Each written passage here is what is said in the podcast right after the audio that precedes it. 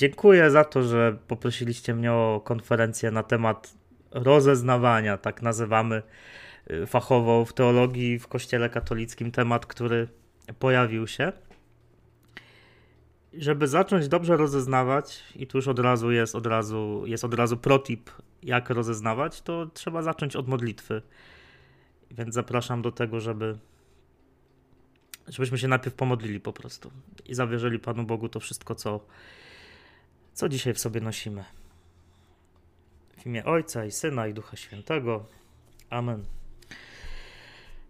Dobry Ojcze, Ty do nas, do nas mówisz. Jesteś Bogiem, który nie milczy, jesteś Bogiem, który ciągle jest przy nas i prowadzi nas do pełni szczęścia. E, prosimy Cię o to, byś pomógł nam Twój głos słyszeć i go rozpoznawać, byś pomógł nam za nim iść. I wzmocnij nas na duszy, na ciele, na sercu i nam wszystkim błogosław. A za wszystko, co się dzieje w naszym życiu, bądź uwielbiony. Tobie chwała na wieki wieków. Amen.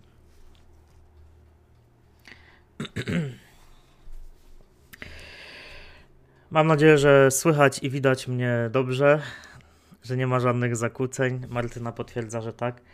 Więc witam Was, Solideo i nie tylko Solideo, którzy jesteście obecni teraz na żywo, ale też y, patrząc do przodu, witam Ciebie, która, który słuchasz tego potem.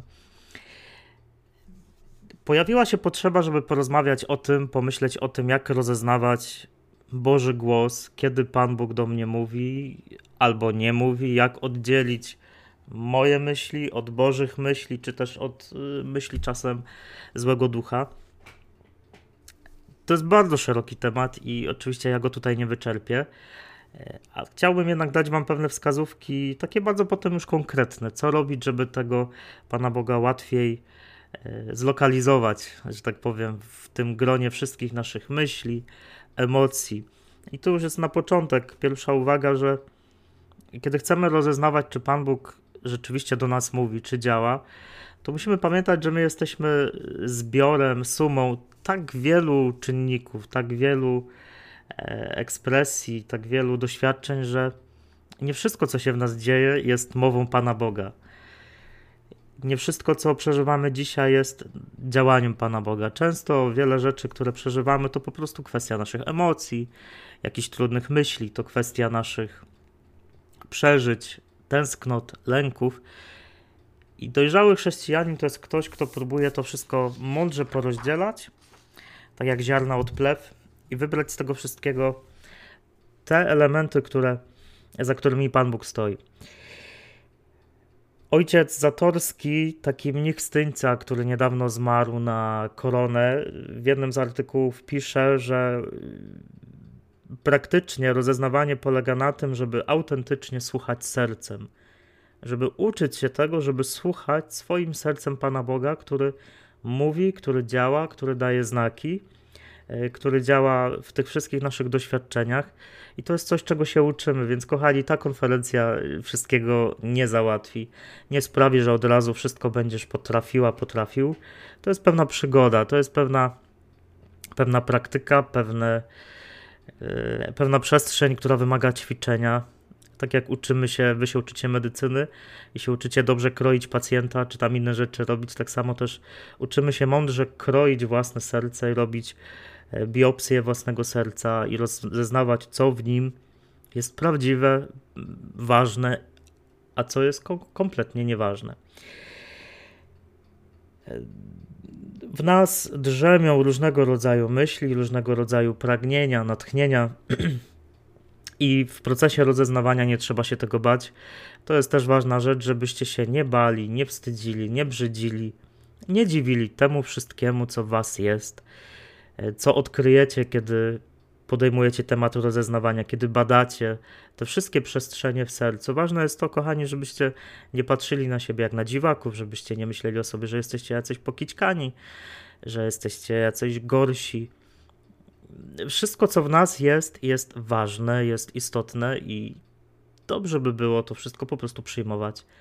Nie musimy się siebie wstydzić. I chciałbym, y, zanim Wam podam konkretne rzeczy, konkretne wskazówki, jak rozeznawać, na co zwracać uwagę, to chciałbym, żebyśmy zajrzeli do Pisma Świętego. Udostępnię tutaj ekran, parę fragmentów, które mówią y, o tym temacie, który dzisiaj, który dzisiaj wybraliśmy. I chwileczkę tylko muszę sobie tu popatrzeć, żebym nie udostępnił czegoś, czego nie chcę.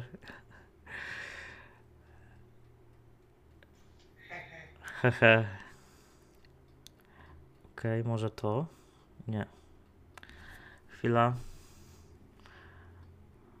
A widzicie?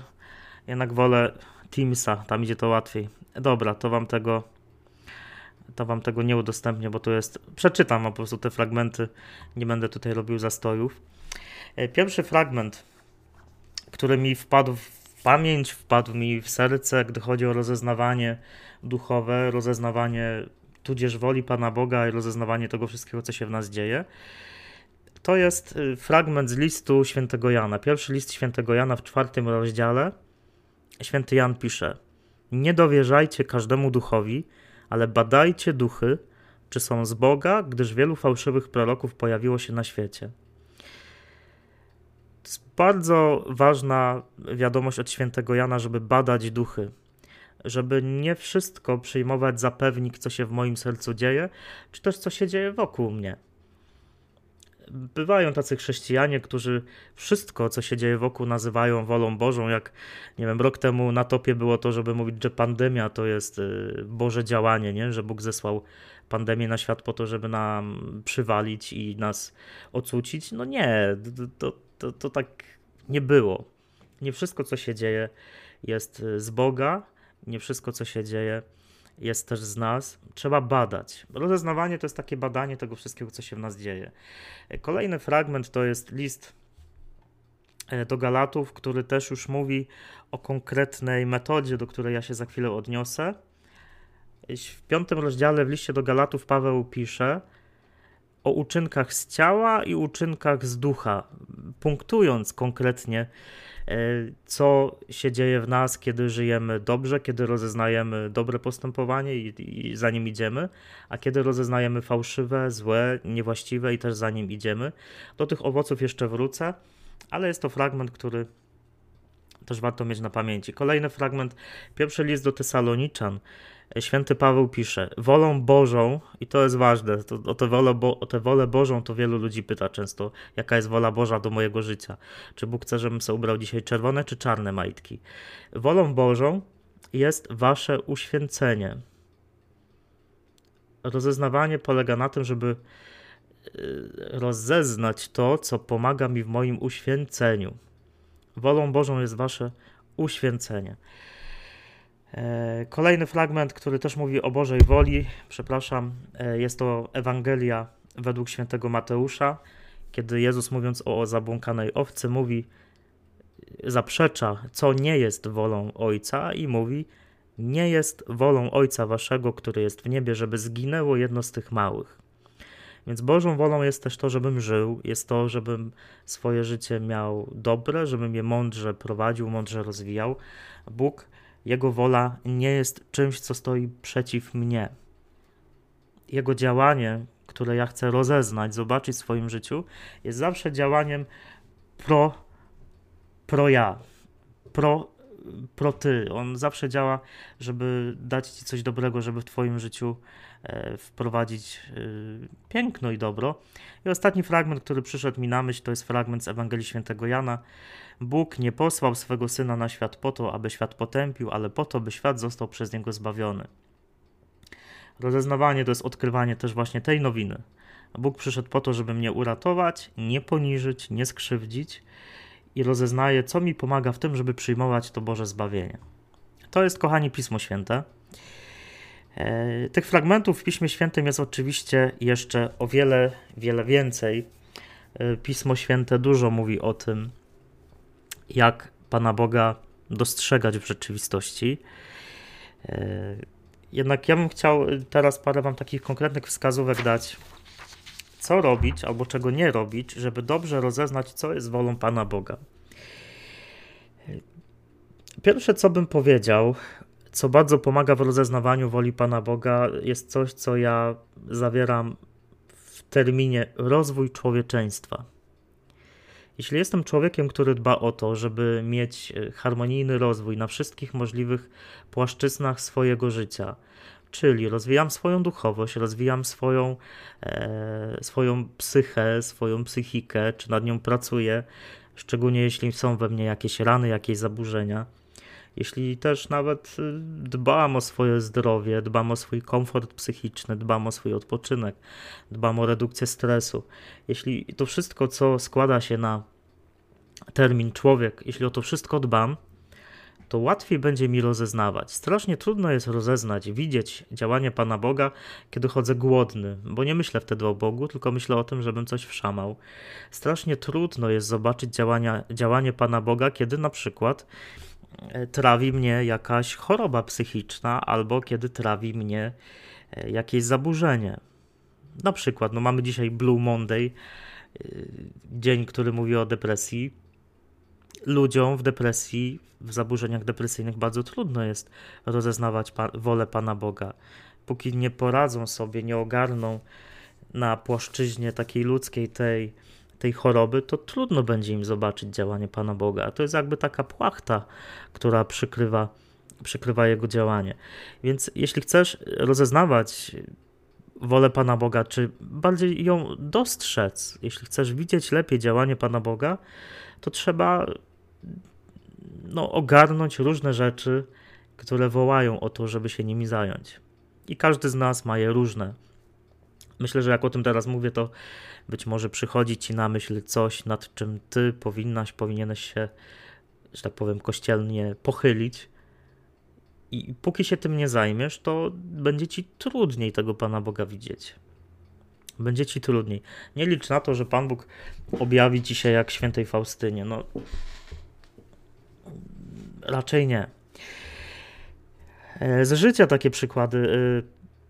E, mam takie ostatnio różne wiadomości na e, Facebooku. Wiecie, że od paru miesięcy mam jeszcze funkcję dyrektora do spraw powołań, czyli zajmuję się tym, żeby szukać, e ewentualnie przesiewać ludzi, którzy chcieliby zostać palotynami, księżmi lub, lub braćmi, i czasem odzywają się do mnie ludzie bardzo dziwni ludzie, którzy są na maksa zaburzeni. Już taki hit, który opowiadałem wiele razy, to y, historia człowieka, który pisze mi o tym, że mu wyszły, wyszedł trądzik na czole w kształcie trójkąta i że to na pewno były stygmaty, ale mu zniknęły i że Pan Bóg go wybiera i co on ma tu ogarnąć. No, on myśli, że to Pan Bóg mu stygmaty na czoło wywalił, ale to jest człowiek, który albo ma jakiś problem ze sobą, albo jest niedojrzały, albo zaburzony, nie? I, i, i trudno, bo trudniej mu będzie tego Pana Boga zobaczyć. Więc y, jeśli chcesz rozeznawać mądrze, to musisz sobie zadać pytanie, co w Twoim sercu, w Twojej psychice, w Twoim człowieczeństwie po prostu nie trybi. To mądre stwierdzenie teologii, że łaska buduje na naturze, jest czymś, co sobie mocno, można mocno wklepać do łba, że zanim będę gigantem ducha, zanim będę drugim chodzącym ojcem Pio, no to muszę też przeorać ogródek, który mam we własnym sercu, we własnym mózgu, w swojej psychice. Ważne jest to, żebyście tego nie pomijali. Ci z Was, którzy korzystają czy korzystali na przykład z pomocy psychoterapii, to sami pewnie macie takie doświadczenie i widzicie, jak bardzo psychoterapia pomaga wiele rzeczy poukładać, ale też sprawia, że człowiek zaczyna widzieć inaczej. Ja, zanim zacząłem swoje kiedyś tam psychoterapię, to kompletnie inaczej patrzyłem na życie i widziałem Pana Boga tam, gdzie go kompletnie nie było, a tam, gdzie był, to go nie widziałem. Jak pewne rzeczy zacząłem układać, zacząłem widzieć lepiej. Więc mamy, nie? Pierwszą przestrzeń, pierwszą rzeczywistość. E, druga e, konkretna rzecz, która pomaga rozeznać działanie Pana Boga, to są różnego rodzaju natchnienia wewnętrzne. Tak to nazywam. Natchnienia wewnętrzne, czyli to są wszystkiego rodzaju, wszelkiego rodzaju jakieś takie wewnętrzne poruszenia, które mogą a w tym kontekście mówimy, że pochodzą od Pana Boga, to są takie zachęty. Jakby Pan Bóg, wiesz, stał przed tobą i mówił: chodź, chodź tu, misiu, mam coś dla ciebie, mam tutaj dla ciebie zadanie, chcę, żebyś poszedł w tę i tamtą stronę. Taka jest moja rada dla ciebie. Więc natchnienie to jest jakieś takie wewnętrzne pociąganie człowieka przez Pana Boga, które oczywiście, że można pomylić z naszymi jakimiś emocjami, przeżyciami. Dlatego znowu odniosę się do pierwszego punktu. Tak ważne jest to, żeby ta sfera była ułożona. Często się czepiam i będę się czepiał różnych spotkań charyzmatycznych, kiedy człowiek niestabilny emocjonalnie przychodzi na takie spotkanie i czuje emocjki i, i czuje, że Pan Bóg go natchnął, nie? No nie. Poczuł emocje, poczuł klimat y, grupy, ale niekoniecznie musiał go Pan Bóg natchnąć. Tak naprawdę te natchnienia wewnętrzne to my odkrywamy z biegiem czasu, które są prawdziwe, które nie. E, I w jednym z artykułów wyczytałem, że żeby rozeznać, które natchnienia w moim sercu tutaj wewnętrzne są prawdziwe, to jest potrzebne, e, są potrzebne dwa kryteria. Pierwsze to to, czy one są możliwe do spełnienia. Czyli jeśli ja mam wewnętrzne natchnienie, że Pan Bóg powołuje mnie do tego, żeby wyjechać w Afryce i nawracać słonie, to ja sobie muszę zadać pytanie, czy rzeczywiście jest to dla mnie możliwe do spełnienia, czy to jest tylko coś, co sobie wmawiam, bo zawsze chciałem zobaczyć słonie. Obok tego też jest ważne kryterium stałość emocjonalna. Jeśli ja czuję natchnienie, powołanie do czegoś, jest to we mnie coś stałego, coś, co mnie nie opuszcza, coś, co wręcz drąży moje serce jak woda skałę, to mogę mieć pewną pewność, pewną pewność, masło maślane, że jest to Boże natchnienie. No bo jeśli dzisiaj rano wstanę i mam takie natchnienie, a jutro go już nie ma i mam kolejne, no to niekoniecznie to pochodzi od Pana Boga. I tutaj już mówię o takich natchnieniach, wiecie, konkretnych, które się tyczą konkretnych działań, konkretnego pójścia w daną stronę, a nie jakichś tam natchnień, yy, właśnie które se majtki ubrać. Choć myślę, że też Pan Bóg czasem działa w jakichś takich drobnych rzeczach, może nie propos ubioru, ale na przykład y, jeśli jesteś już bardzo z Nim jakoś połączony, dostrojony do Jego mowy, no to może Ci powiedzieć pójdź tam, zrób tamto. Tak zwane przypadki, że trafimy na kogoś, czy wydarzy się coś, co jest kompletnym przypadkiem, ale jest wręcz niesamowite, to, to jest pójście za natchnieniem. I rzucając okiem do innego tekstu, pozwólcie, że zacytuję pewien fragment propos tych natchnień wewnętrznych. Natchnienia wewnętrzne, natchnienie wewnętrzne wyraża jakieś pociąganie człowieka przez Boga. Jest formą, zaproszeniem do udziału w Jego miłości, jest jakąś duchową fascynacją Stwórcą, formą zakochania się nim, w Nim. Jest to zawsze owoc działania Jego ducha w nas. Każde duchowe pragnienie, nie tylko te wielkie, gorące, ale także te codzienne, małe natchnienia do dobrego, mają w sobie coś ostatecznego, są zaproszeniem do udziału w pełni życia w Bogu, w pełni Jego miłości. Nie zawsze jednak doświadczenie bycia pociąganym przez Boga jest dla człowieka od razu jasne i jednoznaczne. Nierzadko, szczególnie dla tych, którzy początkują w życiu duchowym, może być ono zmieszane z pragnieniami tylko ludzkimi. Te zaś zwykle powiązane są z podstawowymi potrzebami i lękami człowieka. Bóg zaprasza nas jednak do uczestnictwa w swojej miłości także wówczas, kiedy jesteśmy słabi i grzeszni.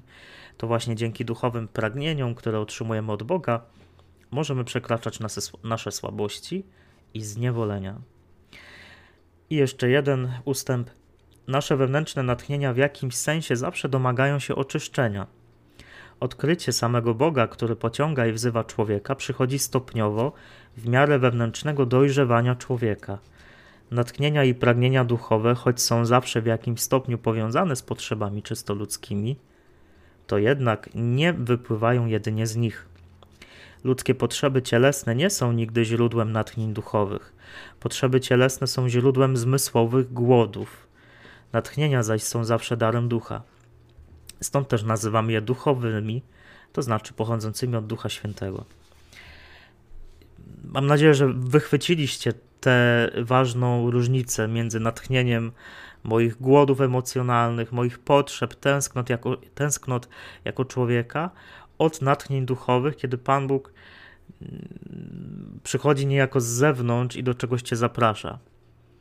I potrzeba tu pewnej praktyki praktyki w odróżnianiu, co jest y, moim widzimisię, a co jest zaproszeniem Pana Boga. I oczywiście w tej praktyce nieraz nieraz y, nie ogarniemy, wiele rzeczy zmarnujemy, ale niech to Was nie zniechęca. To trzeba próbować.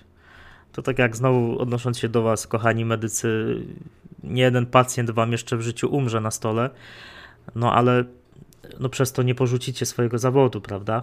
Tak samo jak przychodzą jakieś błędy, trudy w rozeznawaniu Bożych natchnień, no to się nie ma co zrażać. Jeśli Bóg, mnie zaprasza do tego, żeby otworzyć się na miłość w życiu, a ja pójdę, pomyślę sobie, że skoro mam takie natchnienie, no to pójdę do łóżka z byle kim i byle kiedy, no trudno, no, to do konfesjonału wtedy i wracaj na drogę. Więc to są te natchnienia wewnętrzne, natchnienia, które przypominam, trzeba dobrze, na chłodno oceniać, sprawdzać, czy są możliwe do spełnienia i czy jest w tym wszystkim jakaś taka moja stałość. Kolejna przestrzeń, kolejna porada, jak rozeznawać y, Boże natchnienia, to jest kwestia e, owoców. Święty Paweł we wspomnianym liście do Galatów, pozwolę sobie do tego teraz e, zajrzeć. Święty Paweł w liście do Galatów pisze: Uczynki, które rodzą się z ciała, nierząd, nieczystość, wyuzdanie, bałwochwalstwo, czary, nienawiść, spór, zazdrość, pijaństwo, hulanki itp. To skróciłem trochę, tam tego jest więcej. Owocem zaś ducha jest miłość, radość, pokój, cierpliwość, uprzejmość, dobroć, wierność, łagodność, opanowanie. Paweł mówi jasno: chcesz zobaczyć, czy idziesz za Bogiem, czy idziesz za dobrem w życiu, czy nie, to popatrz, jakie masz owoce. To popatrz yy, na moment życia, w którym jesteś dzisiaj. Popatrz wstecz. No i odpowiedz sobie na pytanie, co z tego było dobrym wyborem, a co nie. I odpowiedz sobie na to pytanie, dlatego, żeby w przyszłości wiedzieć lepiej, jak wybierać po prostu. Patrzenie na owoce, patrzenie na konsekwencje własnych czynów jest bardzo istotne i też pokazuje, że my, kiedy podejmujemy decyzje w życiu duchowym czy po prostu w codziennym, nie zawsze jesteśmy w stanie wszystko przewidzieć i nie musimy, kochani, nie musimy wszystkiego wiedzieć, nie musimy wiedzieć, jak się potoczy to czy tamto. Kiedy wchodzimy na przykład w jakąś relację, która w, w, dziś się wydaje idealna, wydaje się po prostu spełnieniem wszystkich marzeń, za rok, za dwa, za pięć może się okazać totalną porażką, ale jeśli się tak okaże, jeśli tak się stanie, no to niech to nie będzie dla nas powód do tego, żeby sobie przyłożyć, tylko zobaczyć, że pewne błędy popełniłem, których mogę się wystrzec w przyszłości. Pro popatrzenia tych owoców to też y, warto popatrzeć w swoje serce i na przykład zobaczyć, czy ja dzisiaj jestem człowiekiem, w którym panuje łagodność, pokój, jakieś, jakaś taka harmonia. Takie poczucie, że nawet jeśli jest mi trudno, nawet jeśli mam swoje wyzwania, to jednak gdzieś tam jest we mnie jakiś pokój. Czy jednak może jest tak, że ciągle przenika mnie jakaś złość, jakieś zgorzknienie, jakaś pretensja, jakiś lęk jeśli jest więcej tych owoców, które, jak mówi Paweł, rodzą się z ciała, czyli takiego życia głupiego, to też jest y, konkretna wskazówka od Pana Boga, czas coś zmienić. Popatrz, co te owoce rodzi i utnij drzewo, które takie owoce rodzi, te złe. A tam, gdzie są, się rodzą dobre, no to bier konewkę i podlej. I jeszcze rzuć trochę gnojem, żeby było jeszcze fajniej. Pracuj. To jest taka zasada owoców. Patrzę wstecz, by lepiej działać naprzód. Kolejna porada, która też wynika z Pisma Świętego, już od pierwszych rozdziałów Starego Testamentu, to jest kwestia wszystkich naszych relacji, a konkretnie człowieka, którego spotykam. Nie bez przyczyny, zaraz na początku Księgi Rodzaju, Bóg dla Adama stwarza Ewę, a dla Ewy, dla Ewy jest Adam bo oni nawzajem siebie potrzebują do tego, żeby rozeznawać, co jest dobre i co złe.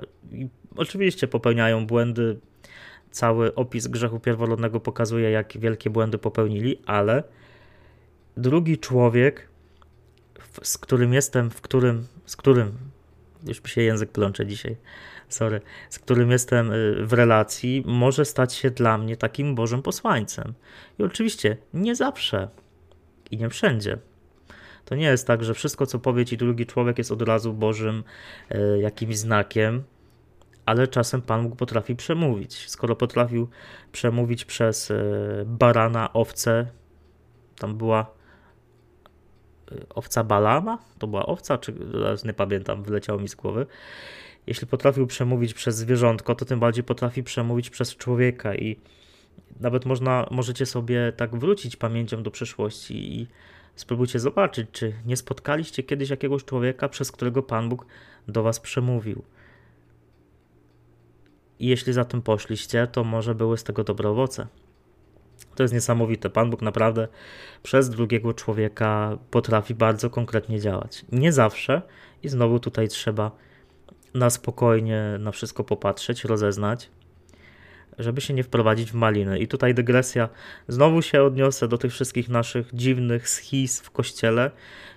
Jest na przykład dzisiaj trend taki w kościele, czy w różnych, w różnych grupach, duszpasterstwach, że jeśli dany ksiądz, dany, dany guru, dany charyzmatyk, dany nie wiem kto jeszcze powie coś, to to jest święte. Uwaga, nie. Nie wszystko, co powie szóstak, jest Boże i święte. Nie wszystko, co powie Frajtak, jest Boże, mądre i święte. Nie wszystko, co powie Chmielewski, co powie Gajda, jest święte, Boże i prawdziwe. Tylko Bóg, jak mówi, to wszystko, co mówi, jest święte i prawdziwe, i my musimy rozeznawać. Czyli stosować to wszystko, co do tej pory powiedziałem i co jeszcze powiem za chwilę, żeby rozeznać, co w tym wszystkim jest Boże miejcie taki zdrowy dystans też do tego, co drugi człowiek mówi, żeby nie brać wszystkiego od razu do swojego serca. Tak jak dobrze byłoby nie wierzyć w to, że jak ktoś ci mówi, jesteś skończonym idiotą, nie ma co wierzyć takiej opinii.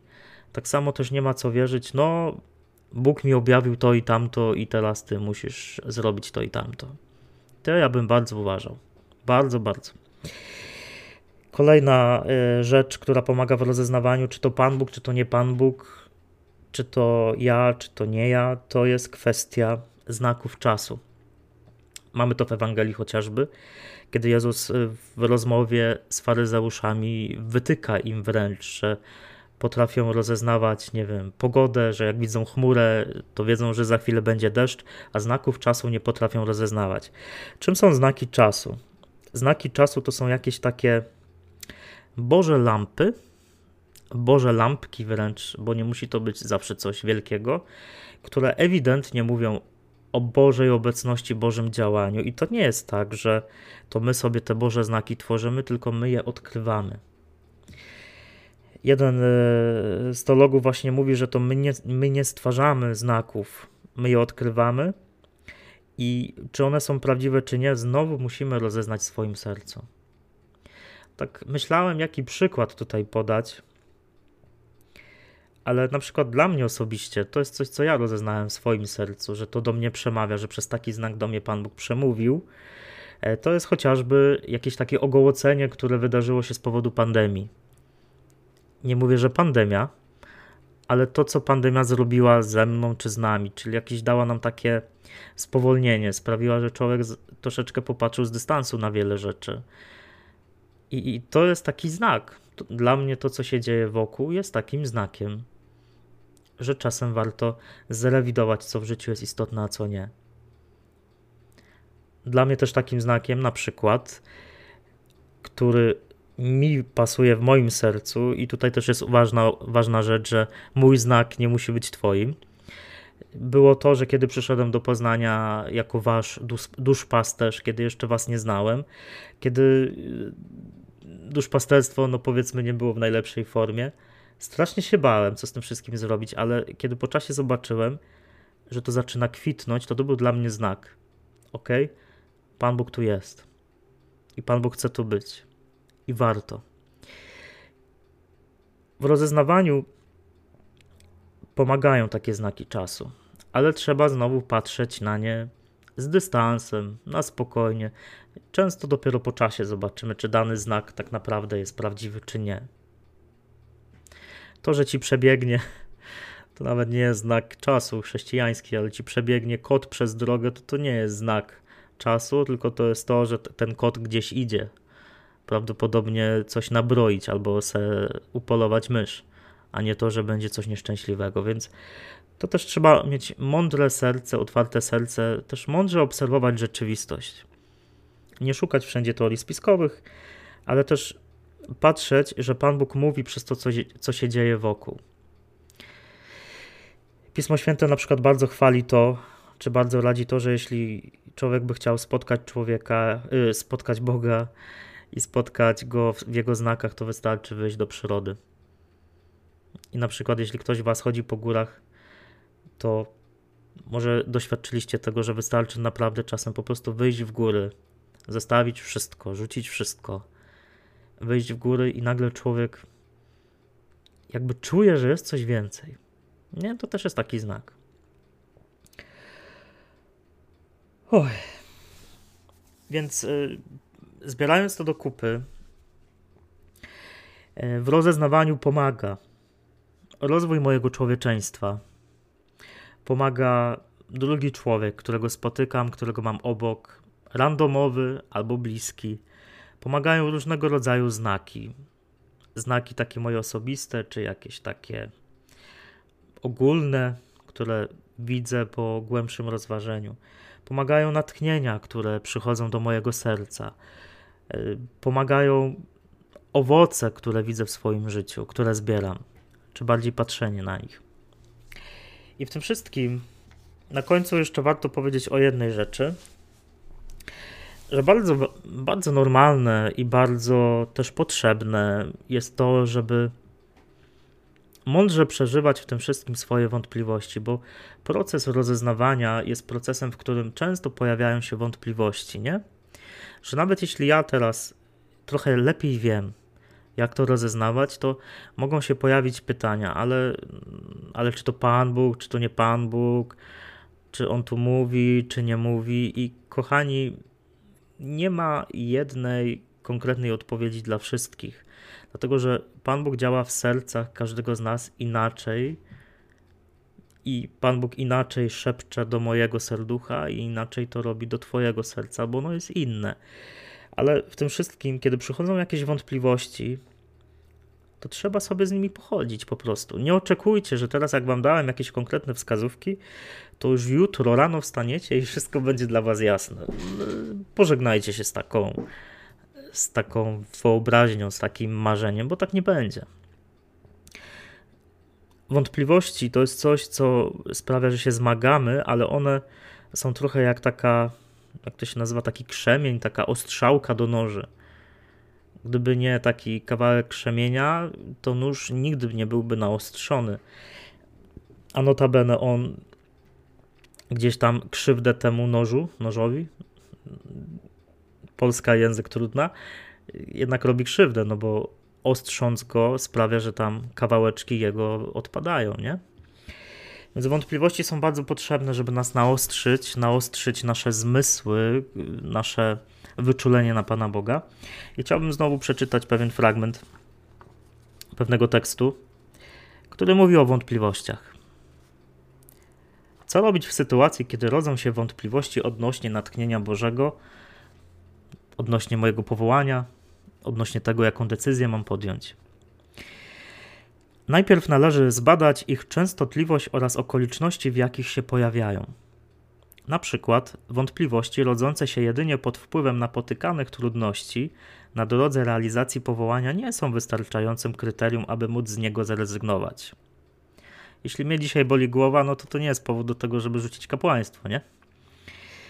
Wahania i wątpliwości w chwilach trudności mogą świadczyć jedynie o braku pewności siebie lub też mogą być wyrazem niewiary w swoje własne możliwości i gwiazdka, i znowu mamy ten aspekt taki ludzki tutaj.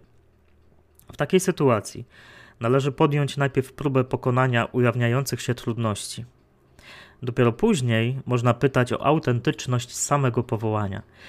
Jeżeli wahania odnośnie powołania, natchnienia Bożego powtarzałyby się systematycznie przez dłuższy czas, nie mogą być one lekceważone. Trzeba wówczas szukać prawdziwych źródeł trwających wątpliwości. Nie powinno się podejmować ważnych i wiążących decyzji życiowych w chwilach wielkich wątpliwości. W takiej sytuacji konieczny byłby jednak głębszy wgląd w siebie i własną historię życia, aby móc odkryć prawdziwe źródło tych wątpliwości. Wgląd ten dokonuje się nie tylko poprzez autoanalizę, ale także poprzez kierownictwo duchowe, w którym odnajdujemy potwierdzenie refleksji nad sobą. I tutaj chwila pauzy w tekście. Kiedy przychodzą wątpliwości, to trzeba się im po prostu przyjrzeć, bo one mogą być jak ból. Kiedy nas coś boli, no to mądre byłoby sprawdzić, jaka jest przyczyna tego bólu. Kiedy przychodzą wątpliwości, one są ciągle, to one o czymś mówią. Może mówią o tym, że żyję głupio, może mówią o tym, że jestem w związku, który nie ma sensu, może mówią o tym, że źle wybrałem swoje powołanie, może mówią o tym, że y, robię coś, czego kompletnie nie chcę i nie jest moje. Jeśli dłużej się utrzymują, one wołają o to, jak małe dziecko, żeby się nimi zająć. I dalej tekst. Chwilach wielkich wątpliwości należy też wstrzymać się z podejmowaniem decyzji, których nie można odwołać, przykład wyboru stanu życia, małżeństwa, kapłaństwa. Jeżeli powołanie czy natchnienie Boże jest autentyczne, to wraz z jego rozwojem i realizacją wątpliwości zwykle ustępują. Ale potem przychodzą nowe znowu dla ostrzenia, więc spoko. Jeżeli nawet nie ustępują całkowicie, to stopniowo zmienia się ich natężenie i częstotliwość. Coraz większa dojrzałość emocjonalna i duchowa prowadzi do coraz większej pewności wewnętrznej w odniesieniu do słuszności realizowanego powołania, pragnienia, natchnienia. Istniejące wątpliwości, problemy, pewne odczucie lęku czy też przymusu psychicznego nie oznacza bynajmniej, iż dane natchnienie, powołanie nie pochodzi od Boga. W podejmowaniu ważnych decyzji życiowych, jak również w samym przygotowywaniu się do nich, potrzebny jest pewien wewnętrzny spokój i równowaga i czas. Stąd też, aby rozeznać autentyczność natchnienia, potrzebujemy najpierw wewnętrznego uspokojenia. Polega ono m.in. na uwolnieniu się od tyranii własnych lęków, przymusów i zdobyciu pewnego stopnia wolności wewnętrznej. Wejście we własne problemy, przezwyciężenie ich rodzi większą wolność wewnętrzną. W szukaniu, rozeznawaniu i pełnieniu woli Bożej należy unikać zbyt szybkiego wartościowania i wydawania łatwych wyroków, zarówno o swoich własnych, jak tym bardziej o cudzych powołaniach i różnorakich pragnieniach wewnętrznych. Ostrożność i równowaga w ocenie natchnień wewnętrznych winna płynąć zarówno z uszanowania dla woli Bożej, jak też dla ludzkiej wolności. Więc y, nie bójcie się swoich wątpliwości, nie bójcie się tego, że rozeznawanie to jest nauka na całe życie, ale jeśli będziecie próbować, to będzie coraz łatwiej. Nie rezygnujcie z tego, żeby żyć coraz bardziej mądrze i nie bójcie się swoich błędów. Nawet nie bójcie się ich popełniać. Bo zazwyczaj te błędy, one najwięcej nas uczą o, o tym, co jest istotne, co jest ważne. I tutaj stawiam kropkę, gdy chodzi o moją y, konferencję. Dzięki za nią, za to, że słuchałeś, słuchałaś. Więc y, szczęść Boże tym, którzy tego słuchali też i później. I z Bogiem.